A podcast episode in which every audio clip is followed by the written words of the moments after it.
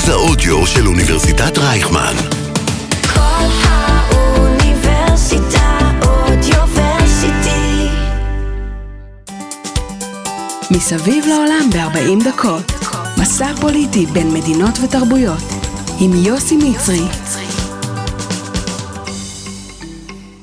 שלום לכולם, וברוכים הבאים לעוד פרק של מסביב לעולם ב-40 דקות, כאן בכל האוניברסיטה. תגידו, שמתם לב כמה יקר פה? במדינת ישראל יוקר המחיה מרקיע שחקים. בתור מדינה שחווה אירועים ביטחוניים בלי סוף, הנושא הכלכלי תמיד נמצא בצד. אבל הוא תמיד שם, והוא חשוב לא פחות מהביטחון. לשם כך הצטרף אלינו פרופסור ירון זליכה. פרופסור זליכה הוא ראש החוג ללימודי חשבונאות במכללת קריית אונו, החשב הכללי לשעבר במשרד האוצר, לוחם שחיתות וממובילי המאבק במונופולים בשוק הישראלי, ויושב ראש המפלגה הכלכלית. שלום פרופסור זליכה ותודה רבה שהצטרפת אלינו היום. שלום יוסי, איזה כיף לראות אותך.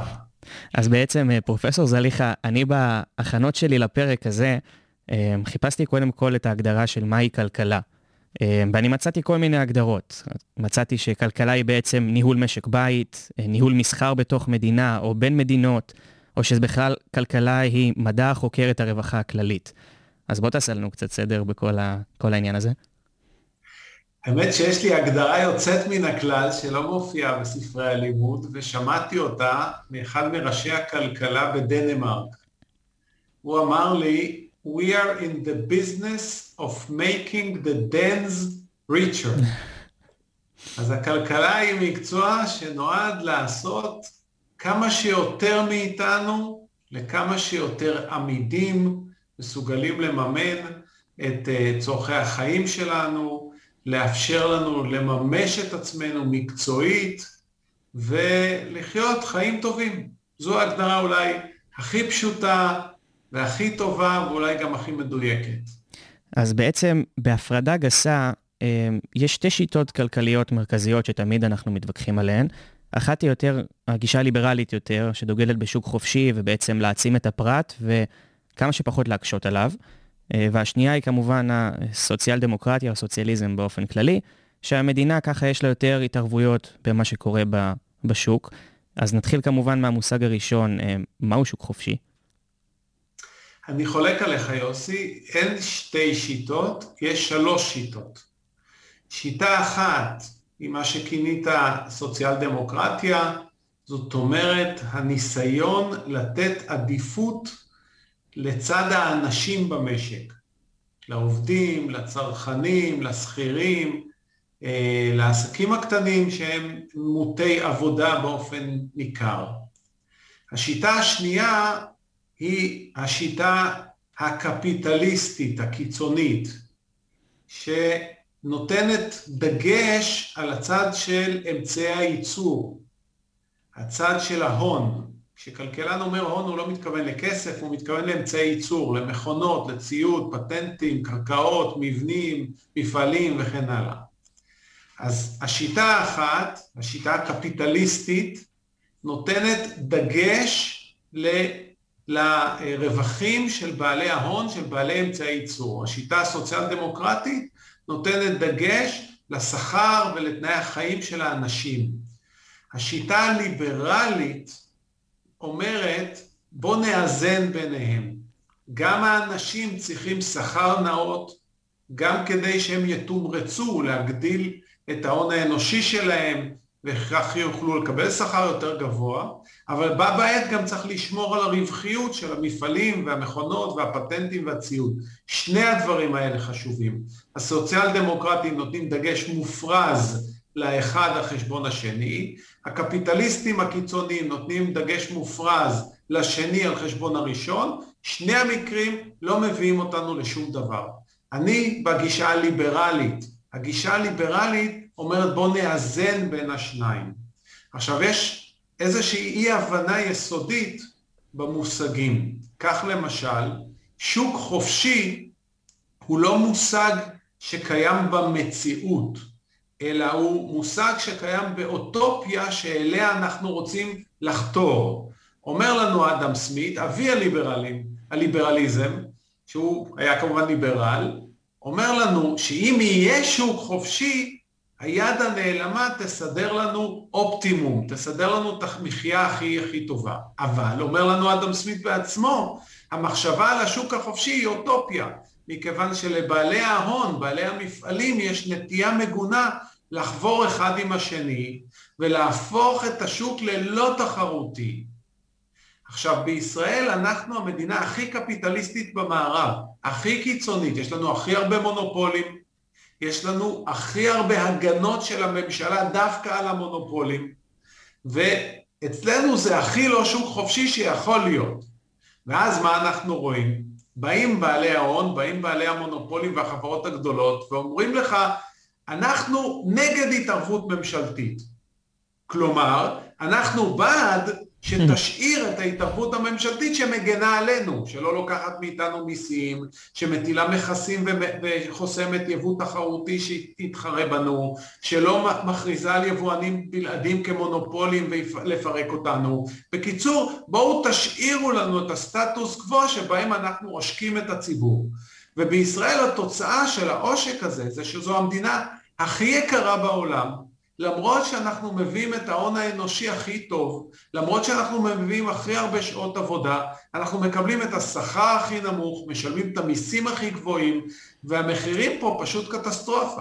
אגב, אני אסכם את זה אולי בנתון אחד, שהוא ממחיש את העוול שמתרחש פה.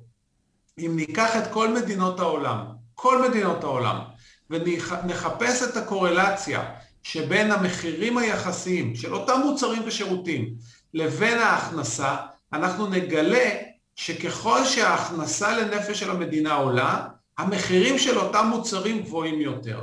למשל, ארצות הברית עם 75 אלף דולר לנפש, המחירים שלה יהיו לפחות כפליים מהמחירים בווייטנאם, שם ההכנסה לנפש עשירית. אבל ישראל היא המדינה היחידה בעולם שלא מצייתת לכלל הזה. התוצר לנפש בישראל שני שליש מהתוצר לנפש בארצות הברית, אבל השווי הריאלי שלו הוא חצי בלבד.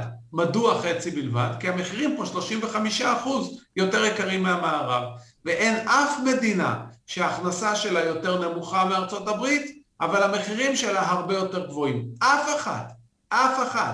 אנחנו הפראיירים היחידים. וממה זה נובע?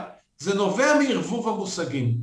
זה נובע מכך שבעלי ההון שמקבלים הטבות מס ושומרים על המונופוליות שלהם, כל הזמן מבלבלים לנו שהם בעד שוק חופשי. הם בעד שוק חופשי, הם השוק הכי לא חופשי. זה כמו שניקח אריה בספארי, נשחרר אותו בגן, נשחרר אותו בפארק, ניתן לו לטרוף את האנשים, והוא כל הזמן יצעק, אני לא מוכן להתערבות ממשלתית. תעזבו, תנו לי לחיות בשקט, שוק חופשי.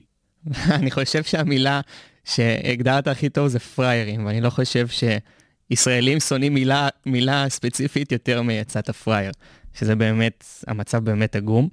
אה, ונעבור בקפיצה כזאת לצד השני, לסוציאל דמוקרטיה. עכשיו, למה לדעתך זה לא עובד פה? כי הרי ישראל הוקמה כמדינה סוציאליסטית, ואנחנו יכולים לראות לדוגמה בסקנדינביות שסוציאל דמוקרטיה לפחות על הנייר כן עובדת. אז למה זה לא עובד אצלנו? קודם כל, גם במדינות הנורדיות זה כבר לא עובד. אז אם אני לוקח ציר, שבצד אחד יש את הסוציאל דמוקרטיה שהיה בנורדיות, ובצד השני יש את הקפיטליזם הקיצוני והחזירי שיש בישראל ובסין דרך אגב, ובמידה הרבה פחותה בארצות הברית, הרבה פחותה, והליברלים זה איפשהו באמצע. אנחנו רואים שהנורדיות מהקצה בגלל המשברים הכלכליים שהם חוו, הולכות ומתקרבות לכיוון של הליברלי. ואנחנו נשארים בקצה של הקפיטליזם ולא מתקרבים בעצמנו לליברלי. לכן זה לא נכון להגיד שהסוציאל דמוקרטיה עובדת, היא לא עובדת, היא לא עובדת. אנחנו חייבים לחתור לכיוון הליברלי ולשמור את רגשי החמלה שלנו באמת למקרה סעד. עכשיו, בישראל יש איזושהי ערבוביה מאוד מאוד אה, אה, מוזרה של מונופולים. יש לנו למעלה ממאה מונופולים, למעלה מתשעים מהם זה מונופולים פרטיים, וסדר גודל של עשרה מונופולים הם מונופולים ציבוריים שנשלטים על ידי ועדי עובדים. ולכן נהיה לנו הציבור חושב שכל ועדי העובדים במשק זה הוועד של הרכבת או שדות התעופה, כשבפועל זה המיעוט. רוב הוועדים, להפך, שומרים על מקומות עבודה ועל זכויות עובדים מוחלשים ומנסים לאזן בין הרצון של בעלי ההון לעשוק אותם. ולעומת זאת, מיעוט של ועדים ברכבת, בנמל אשדוד, ברשות שדות התעופה, הם מעוותים את, ה, אה, את המצב בעקבות השליטה שלהם במונופול. ואנחנו במקום למתוח ביקורת על המונופול, העובדה שהרכבת היא מונופול ונמל אשדוד היא מונופול, אנחנו מאשימים את הוועד, אבל הוועד הוא, הוא רק הלבוש של המונופול, זה לא היה משנה אם המונופול הזה היה נשלט על ידי תשובה או על ידי יושבי ועד הרכבת, זה אותו דבר, את אותו עושק הם היו עושים לנו, הבעיה שלנו זה מאה המונופולים. עכשיו כשאתה מסתכל ושואל את עצמך, איך נוצרו המונופולים האלה? הם נוצלו כולם על ידי הממשלה, או בעזרת הממשלה, או על ידי הממשלה, או בהגנה ממשלתית. בואו ניקח דוגמה שקרתה ערב יום העצמאות. בכוונה אגב, פרסמו את זה ערב יום העצמאות כדי שכולנו נהיה עסוקים ולא נשים לב. עזריאלי, קבוצת הענק של הקניונים, שמהווה יחד עם אליסרון של משפחת עופר, שתי חברות ששולטות על, לא בדקתי, אבל סדר גודל של 80% מהקניונים בישראל. כל קניון אגב, או רוב הקניונים הם מונופולים אזוריים.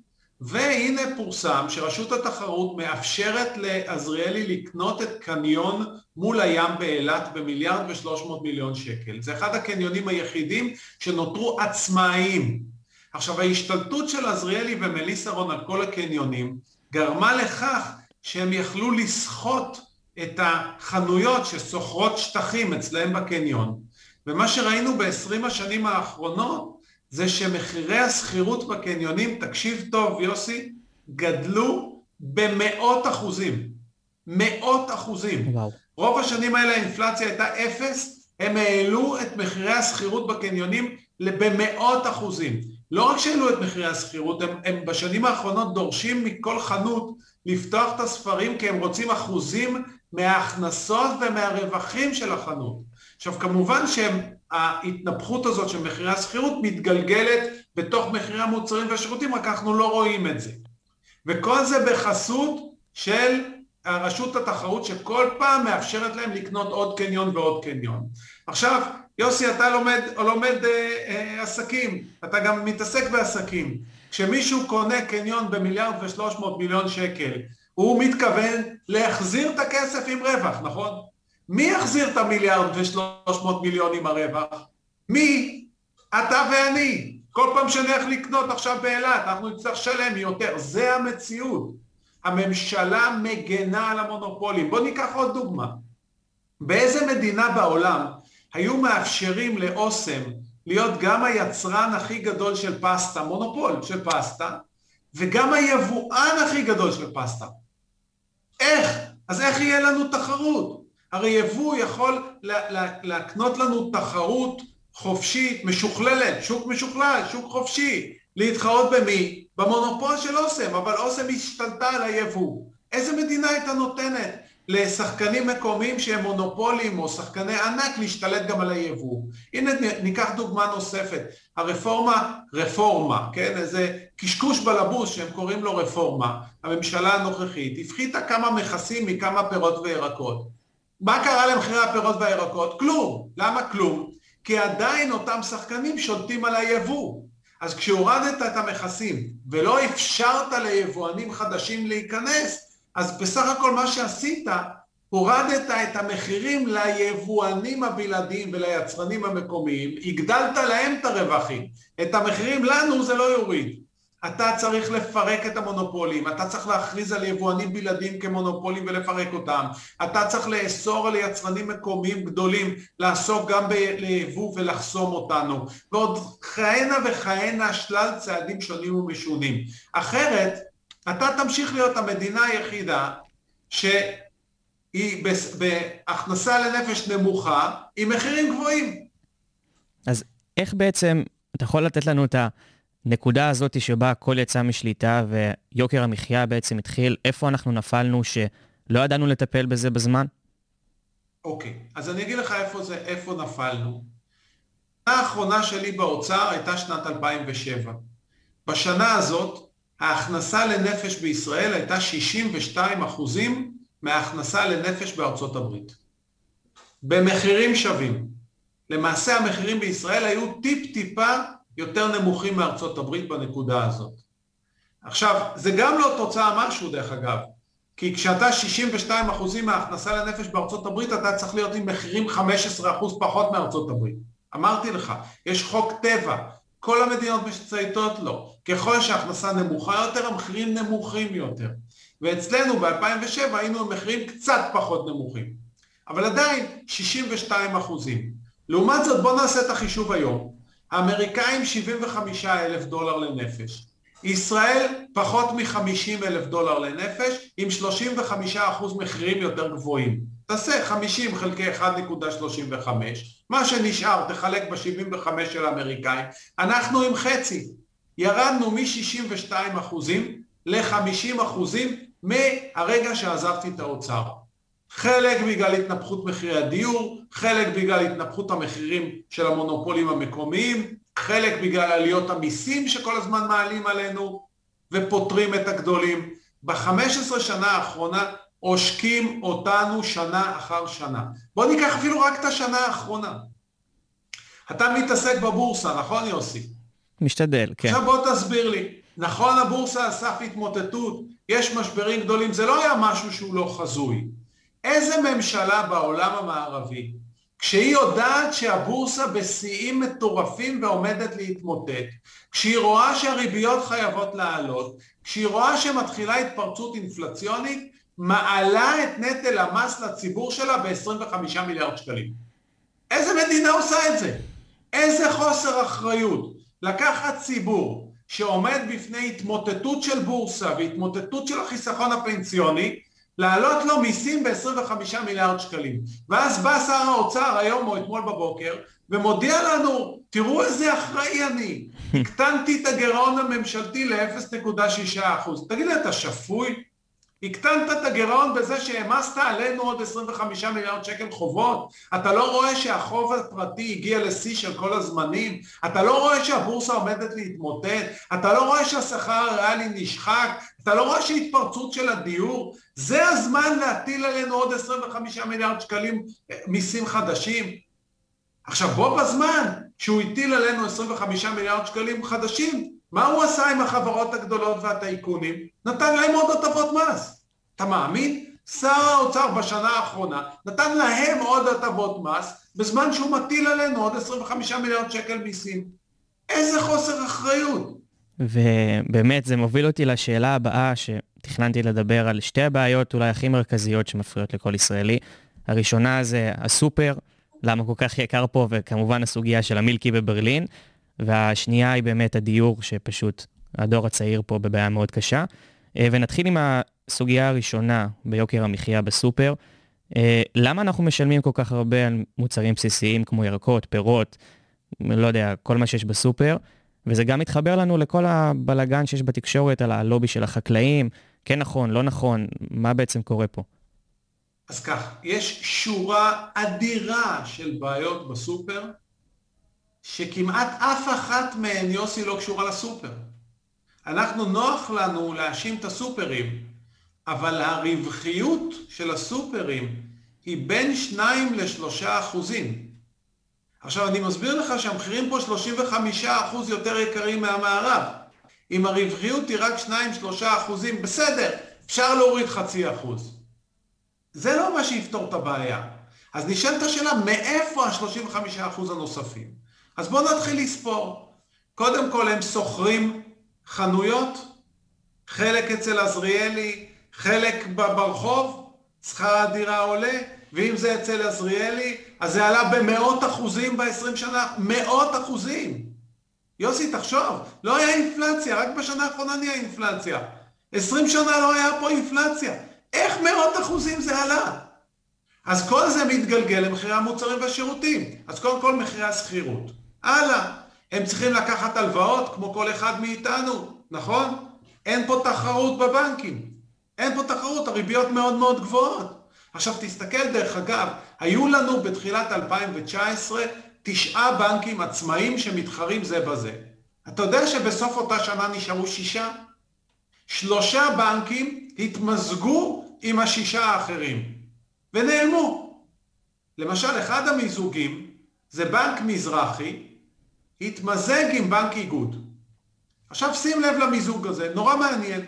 ראשית, בנק מזרחי זה הבנק הכי יקר במערכת. איזו מדינה הייתה נותנת למערכת בנקאית שגם ככה לא תחרותית, הכי לא תחרותית במערב, נותנת מיזוגים שיצמצמו עוד יותר את מספר הבנקים, ועוד איזה מיזוג? את הבנק הכי יקר במערכת, היא נותנת לו לבלוע את הבנק הכי זול במערכת, בנק איגוד. ואתה רוצה שאני ארגיז אותך עוד יותר? חמש דקות לפני המיזוג, הממשלה משנה את החוק ומעבירה הטבת מס נוספת שיושבת בול על המיזוג הזה. זאת אומרת שגם המיזוג הזה הם לא שילמו עליו מיסים.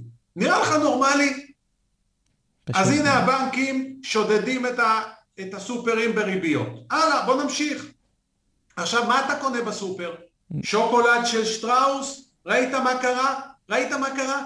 תקלה בשטראוס, ואגב, אני לא מאשים אותם כרגע על התקלה, זה דבר שיכול לקרות, אבל ברגע שקרתה תקלה, אין שוקולד בסופר. יוסי, אתה נסעת פעם פעמיים בחיים שלך לחו"ל. כשאתה נכנס לסופר, יש רק שוקולד של יצרן אחד? נראה לך, יש איזה 70. תבחר.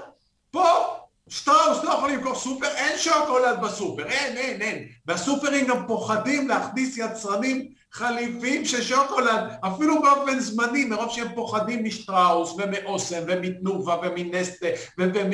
איך קוראים להם? קוקה קולה וכן הלאה וכן הלאה, ודיפלומט ונטו ושסטוביץ', כולם מונופולים בסופר, כולם. עכשיו חלק מהם מונופולים בגלל שהם השתלטו גם על היבוא, וחלק הם יבואנים בלעדיים ואז הם משתלטים על היבוא. אז אין לנו תחרות. עכשיו זה הכל אוזלת יד של הממשלה. מה הבעיה להגיד לך, אדוני הנכבד מר אוסם הנכבד, אתה מונופול בייצור המקומי, אתה לא יכול לעשות ביבוא, אסור לך. תן לעם ישראל לייבא מי שהוא רוצה ומאיפה שהוא רוצה. כנ"ל, אתה שסטוביץ, אתה יבואן בלעדי, אני מכריז עליך א' כמונופול, ומכיל עליך את חוק ההגבלים העסקיים על כל המשתמע מכך, וב' לאסור יבואנים בלעדיים.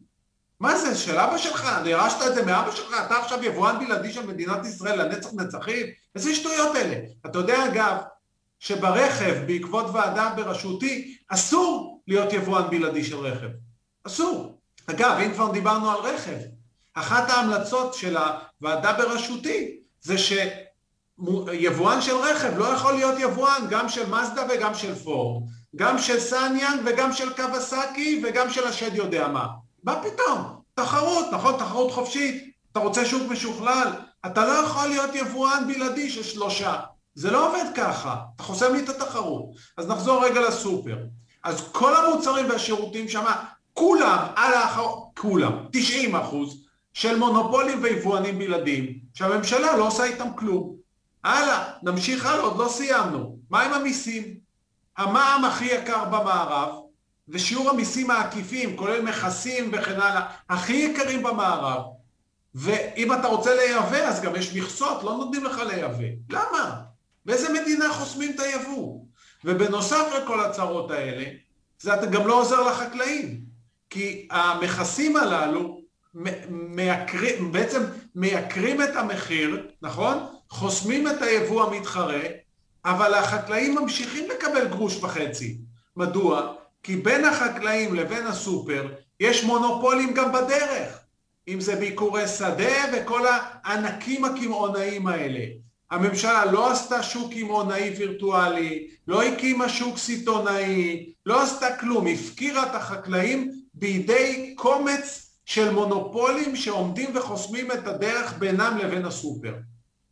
אז בעצם... מה נשאר? נכון, לא, לא, נשאר, לא נשאר כבר כלום. לא נשאר כלום. נכון. עכשיו בוא נעבור לדיור. הדיור, תשמע, אתה מאמין בניסים?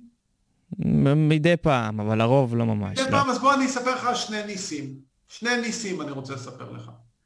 באמצע שנות התשעים היו מחירי הדיור 70 משכורות לדירה ממוצעת. כמובן, אם היית גר בתל אביב, אז 70 משכורות של תל אביב. אם היית גר בקריית גת, אז 70 משכורות של קריית גת. זאת אומרת, יש הבדל במשכורות, אבל אותם 70 משכורות חלו בכל מקום. מאמצע שנות ה-90 ועד הדקה שדרכתי באוצר, עלו מחירי הדיור ל-96 משכורות. מ-70 ל-96. בדקה שנכנסתי לאוצר בתחילת 2003, קרה נס, נס. התחילו מחירי הדיור לרדת. ירדו בשנה הראשונה שלי, והשנייה, והשלישית, והרביעית, והחמישית, עד סוף 2007, עד שעזבתי את האוצר, ירדו מחירי הדיור ל-80 משכורות. ושוב קרה נס, בדקה שיצאתי מהאוצר, התחילו מחירי הדיור לעלות. עלו מ-80 ל-90 ול-100 ול-110, ועכשיו זה כבר 155 משכורות, ואין להם שום כוונה לעצור, זה ימשיך לעלות. מה קרה? איזה נס. בוא אני אגיד לך איזה נס.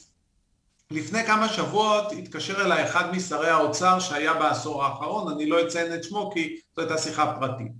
הוא אמר לי, תקשיב, אני הייתי מאוד מוטרד מעליית מחירי הדיור, וחלק גדול מזמני עסקתי בלנסות ולבנות יותר. לנסות ולהגדיל את היצע הדיור. והצלחנו, הצלחנו, הגדלנו מ-50 ל-60, מ-60 ל-65 אלף דירות חדשות. וכל היום הייתי עוסק רק בזה. כל פעם שהייתי שומע שיש איזה קרקע שעדיין לא שחררו אותה, רמ"י לא שחררה אותה, הייתי נוסע לרמ"י וצועק ועושה ומתאמץ עד שזה יוצא. הייתי שומע על איזה קבלן שלא קיבל היתר בנייה, הייתי נוסע לקריית גת ומדבר עם ראש העיר וצועק וצורח עד שזה מקבל. וככה רוב זמני, 80% מזמני, עסקתי בדיור, כי זה הדבר הכי חשוב לעצור את מחירי הדיור. אמרתי לו, אתה יודע איזה קטע? כשאני ניהלתי את המדיניות הכלכלית, לא התעסקתי בדיור אפילו דקה. ואצלי המחירים ירדו ואצלך עלו. איך זה יכול להיות? עוד נס. כי האמת, שזה לא משנה כמה אתה בונה. זה לא משנה אם אתה מאוד תתאמץ, ובמקום לבנות 50 אלף דירות תבנה 60, ותתאמץ עוד יותר תבנה 70. כל עוד הצמיחה חלשה, אין הזדמנויות השקעה אחרות. וכל עוד הצמיחה חלשה, גם הריבית נמוכה. ונוצרת אינפלציה, וזה מתדלק את מחירי הדיור. רק צמיחה גבוהה יכולה לשמור על ריבית גבוהה, ושני הדברים האלה יוציאו את כולם משוק הדיור. אתה יודע את מי הם ישאירו? רק את הצעירים. אצלי לא התאמצנו בכלל לבנות, כי די בקלות אתה בונה 50 אלף דירות. די בקלות אתה בונה 50 אלף דירות, בלי מאמץ. ויש לך 40, אז אצלנו היו 40 אלף זוגות צעירים בשנה, ואתה יודע מה קורה כש-50 אלף דירות רודפים אחרי 40 אלף צעירים? המחירים יורדים. יורד. בלי לנסוע לקריית גת, בלי לנסוע לרמי, בלי לצעוק על אף אחד. לבד הם יורדים. אבל כשאתה מנהל מדיניות שמחבקת את המונופולים, מעלה את המחירים, נותנת להם הטבות מס ומממנת את זה בזה שאתה זורק עלינו עוד 25 מיליארד שקל מיסים, אתה מרסק את הצמיחה, וכשהצמיחה מרוסקת, אתה מוריד את הריבית, וכשאתה מוריד את הריבית, נוצרת אינפלציה, וכל הדברים האלה מעלים את מחירי הדיור, ואתה לא יכול לעצור את זה. אז אם אתה באמת רוצה לעצור את מחירי הדיור, תחזור למדיניות שאני הנהגתי ב-2003. אז בעצם אה, אנחנו... אז בעצם אתם פראיירים, חבר'ה. בדיוק. זה מה שזה אומר. בדיוק. אה, ובעצם, זה באמת, המילה פראייר מובילה אותי אה, לשאלה הבאה, לאירוע, לדעתי, שאולי... אגב, אפשר, יוסי, עוד נקודה, ברשותך. בוודאי. בואו תבינו מה זה אומר 70 משכורות או 80 משכורות שהבאתי אותנו ב-2008. זה אומר שדי בקלות אתה מגיע להון המינימלי שמאפשר לך ללכת לקחת משכנתה. תעבוד שנתיים, קצת ההורים יעזרו, קצת ההורים של הבת זוג שלך יעבדו, יעזרו, אתה מגיע להון המינימלי. ואז אתה הולך, נניח כי היה לך הון מינימלי של שליש, רבע, אתה הולך לוקח 70 אחוז משכנתה, זאת אומרת סדר גודל של 50 משכורות משכנתה. משכנתה, אתה צריך אותה לעשר שנים. בדור שלי, כשהדיור היה 70 משכורות, לקחנו משכנתה לעשר שנים, יוסי. לא רק אני, כל החברים שלנו, כל הדור הזה, שבע שנים, 12 שנה, שמונה שנים, אתה יודע, כל אחד עם כמה, כמה עזרו לו ההורים. אבל בממוצע עשר שנים משכנתה. אז יכולנו לקנות את הדירה כבר בגיל 26, ובגיל 36 סיימנו. לא שכר דירה ולא משכנתה ולא נעליים. עכשיו יש לנו 30 שנות עבודה עד הפנסיה, לחסוך לילדים, לדירות של הילדים, לחינוך של הילדים, לדירה יותר גדולה בשבילנו, לפנסיה שלנו, או סתם לטייל לדרום אמריקה. אבל אתם בדור הזה, אתם צריכים לשלם 150-160 משכורות. אתם צריכים לקחת משכנתה של 30 שנה, ואתם לא יכולים להגיע למינימום של קניית דירה, להון המינימלי, לפני גיל 35. מה זה, זה טירוף, אתם לא נורמליים. אתם תעבדו עד היום האחרון לפנסיה, תעבדו בשביל לשלם את המשכנתה. מה, אתם פסיכים? עכשיו אני אגיד לכם מה התוצאה. התוצאה, מכיוון שזה ממשיך להתייקר, זה שכבר אתם לא יכולים לפרוש בגיל 67. יוסי, אתה לא תפרוש בגיל 67, יש לי חדשות בשבילך.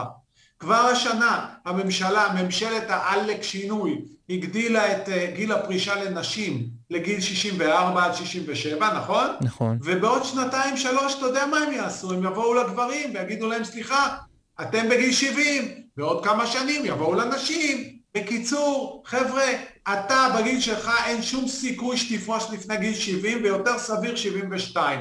וגם זה למה? כי המשכנתה לא תיגמר, יוסי. אתה תהיה חייב למשוך את שנות העבודה עוד כדי לשלם משכנתה עד היום האחרון. מה, אתם בסדר? איזה צרפתי, גרמני, בלגי, הולנדי, אוסטרי, שוויצרי היה מסכים לחיות ככה? אתם יודעים מה הם היו עושים לממשלה? הופכים אותה שמונה פעמים. יש לנו, יש לנו מה ללמוד מהם, באמת. אז בעצם אתה צודק, אני מסכים איתך מאוד במה שאתה אומר, שאנחנו הדור הצעיר, גם הולך לאכול אותה בגדול, וגם שאנחנו פשוט שותקים. אה, וזה מוביל אותי לאירוע שלדעתי אה, הוכיח פעם ראשונה כמה הכלכלה היא חשובה, אולי לפעמים יותר מהביטחון, כי הביטחון פה במדינה הוא באמת הסיטו... הסוגיה היותר אה, מדוברת ומרכזית. עשר שנים אחורה, המחאה החברתית העצומה שהוביל הדור הצעיר באותה תקופה. האם לדעתך זה עזר בכלל? כי לא מרגיש לי ש... שזה עזר כל כך. לא, זה לא עזר, ואני רוצה לספר לך על אה, שיחה שקיימתי אז עם אה, בנימין נתניהו ועם יובל שטייניץ ששימש כשר האוצר. אה, באותו זמן מר נתניהו ואני היינו ביחסים טובים, והוא הרבה להתייעץ איתי בנושאים הכלכליים, לצערי התייעץ ולא עשה, אבל באותה עת, בעת המחאה החברתית, הוא מאוד מאוד נלחץ, והביע איזושהי נכונות לעשות שינוי. אה, הוא העלה את יובל שטייניץ על הקו וביקש שאני אקיים איתו שיחה. וירד.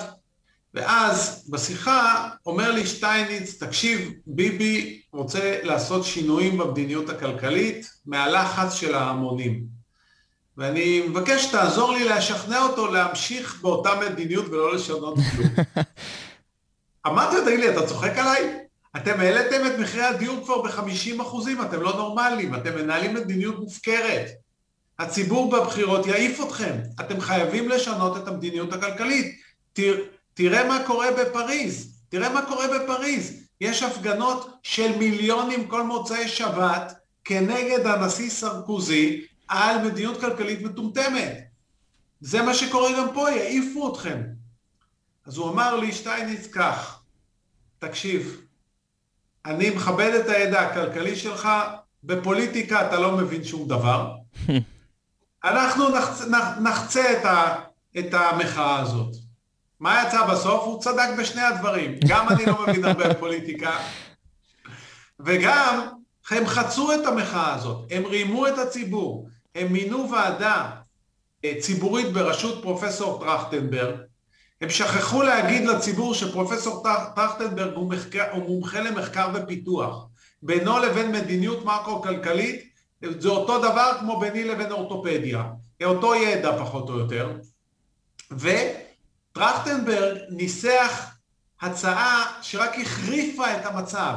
הוא הגדיל עוד את המע"מ ואת מס ההכנסה ונתן חיבוק אדיר להון שלטון במדינה הזאת, ובעצם גרם לכך שהמדיניות רק החריפה, זה רק החריף, עליות מחירי הדיור המשיכו כמובן, ובשנה האחרונה מה שקורה זה בכלל קטסטרופה, והציבור, אחרי שהפגין שלוש פעמים במוצאי שבת אה, עם גלידה בדרך הביתה, חזר הביתה והפסיק לצעוק, והציבור והממשלה נרגעה.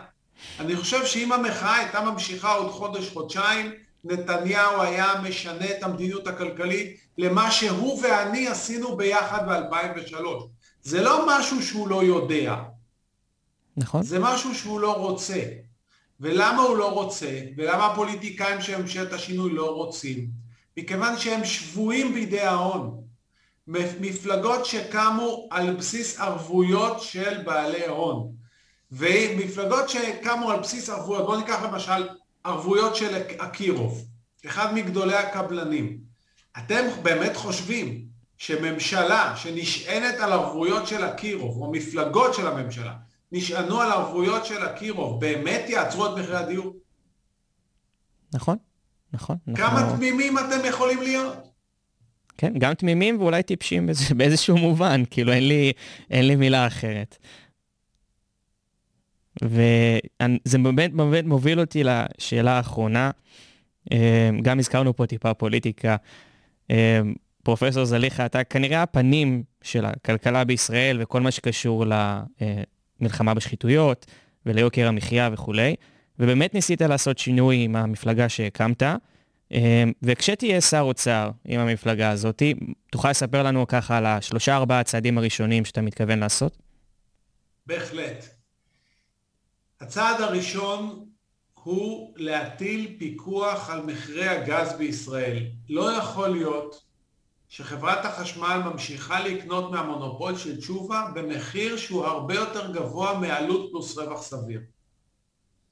עכשיו, העשייה הזאת, ההכרזה עליהם כמונופול מפוקח, היא הרבה יותר חשובה מההשלכות של הורדת המחיר. אגב, הורדת המחיר יכולה להוריד לנו את מחירי החשמל והמים באחוזים רבים.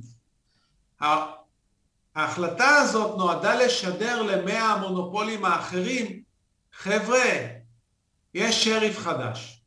מספיק עם החיבוק למונופולים, אם אני לא פוחד לה, להטיל פיקוח ולפרק את המונופול הכי חזק והכי חמור, אני לא אפחד להתעסק בשטראוס ובקוקה קולה ובאוסם, כל אחד עם הצעד, הצעד היאה לו, כמובן פיקוח על מחירים זה לא הצעד האולטימטיבי.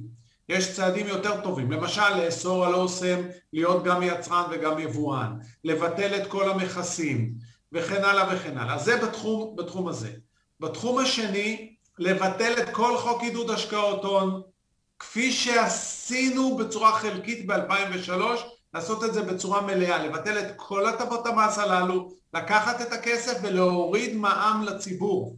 להוריד מע"מ, אני רוצה להוריד כבר בשלב ראשון ל-15% את המע"מ, מ-17%, ועד סוף הקדנציה להוריד ל-12% את המע"מ, לא צריך יותר. אז אולי זה ייקח עוד שנה, אבל זה היה, להגיע ל-12% מע"מ וביטול מלא של כל המכסים. והדרך היחידה לממן את זה, זה כמובן דרך ביטול הטבות המס. אין כסף מהאוויר. והדבר השלישי, להתחיל להעלות את הריבית. אי אפשר לעצור את האינפלציה ואת מחירי הדיור בלי להעלות את הריבית. אבל תשימו לב ששלושת הצעדים האלה מחייב, חייבים להיות אחידים. זאת אומרת, אי אפשר להעלות את הריבית בלי לבצע את הרפורמה במס ובלי להילחם במונופולים. כי רק המלחמה במונופולים והרפורמה במס תייצר צמיחה שתאפשר לריבית לעלות. פרופסור זליכה, נהניתי מאוד מהשיחה איתך, תודה רבה. ותודה תודה רבה רבה. לכל המאזינים, ונתראה בפרק הבא.